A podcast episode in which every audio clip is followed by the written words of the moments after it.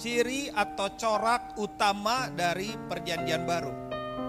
Ketika perempuan yang ber, yang ditemukan berzina itu langsung diseret. Lalu mereka diboyong, mereka betul-betul tidak memberikan kesempatan perempuan itu tidak berdaya karena pasti dia akan mati di ujung jalan. Mungkin darahnya sudah ada di pipinya, bahkan ada di hidungnya, dari mulutnya.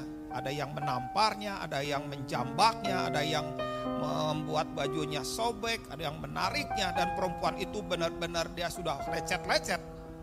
Hari itu mungkin apa yang dialami secara fisik nggak seberapa.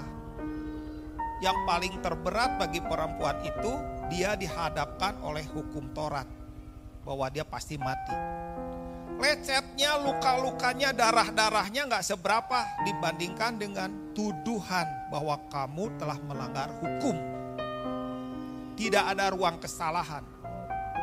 Kamu melanggar hukum. Kamu bersalah. Kamu mati. Itu tuduhan berat. Tetapi ketika perempuan itu dibawa kepada Tuhan Yesus dan Tuhan Yesus mengatakannya sangat mengagetkan orang-orang yang sudah siap membawa batu, mungkin beberapa bukan satu batu, beberapa batu, beberapa keresek mungkin kalau pada zaman sekarang. Mendengar suara Tuhan, siapa yang tidak pernah berbuat dosa? Lempari dia pertama kali.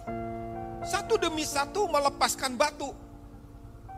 Pelan-pelan, perlahan mereka meninggalkan kumpulan itu. Pada waktu itu ada perbedaan yang jelas hukum Taurat menghukum siapa pun yang salah. Tapi hukum kasih karunia membuka ruang kesalahan. Membuka ruang keberdosaan. Membuka ruang orang yang jatuh. Ketika itu ditanya oleh Tuhan, hei perempuan, adakah orang yang menghukum kamu? Tidak ada guru. Aku juga tidak menghukum kamu. Pergilah.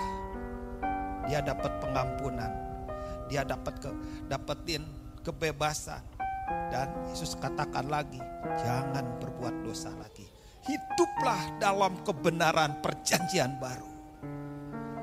Apakah si perempuan yang berjinah ini ketika ketemu dengan orang lain yang berbuat jinah dia akan menjambaknya dan dia akan juga melakukan? No. Dia tahu hidup dalam kebenaran perjanjian baru. Ada ruang kesalahan, ada ruang kegagalan, ada ruang kejatuhan. Dan Tuhan mengampuni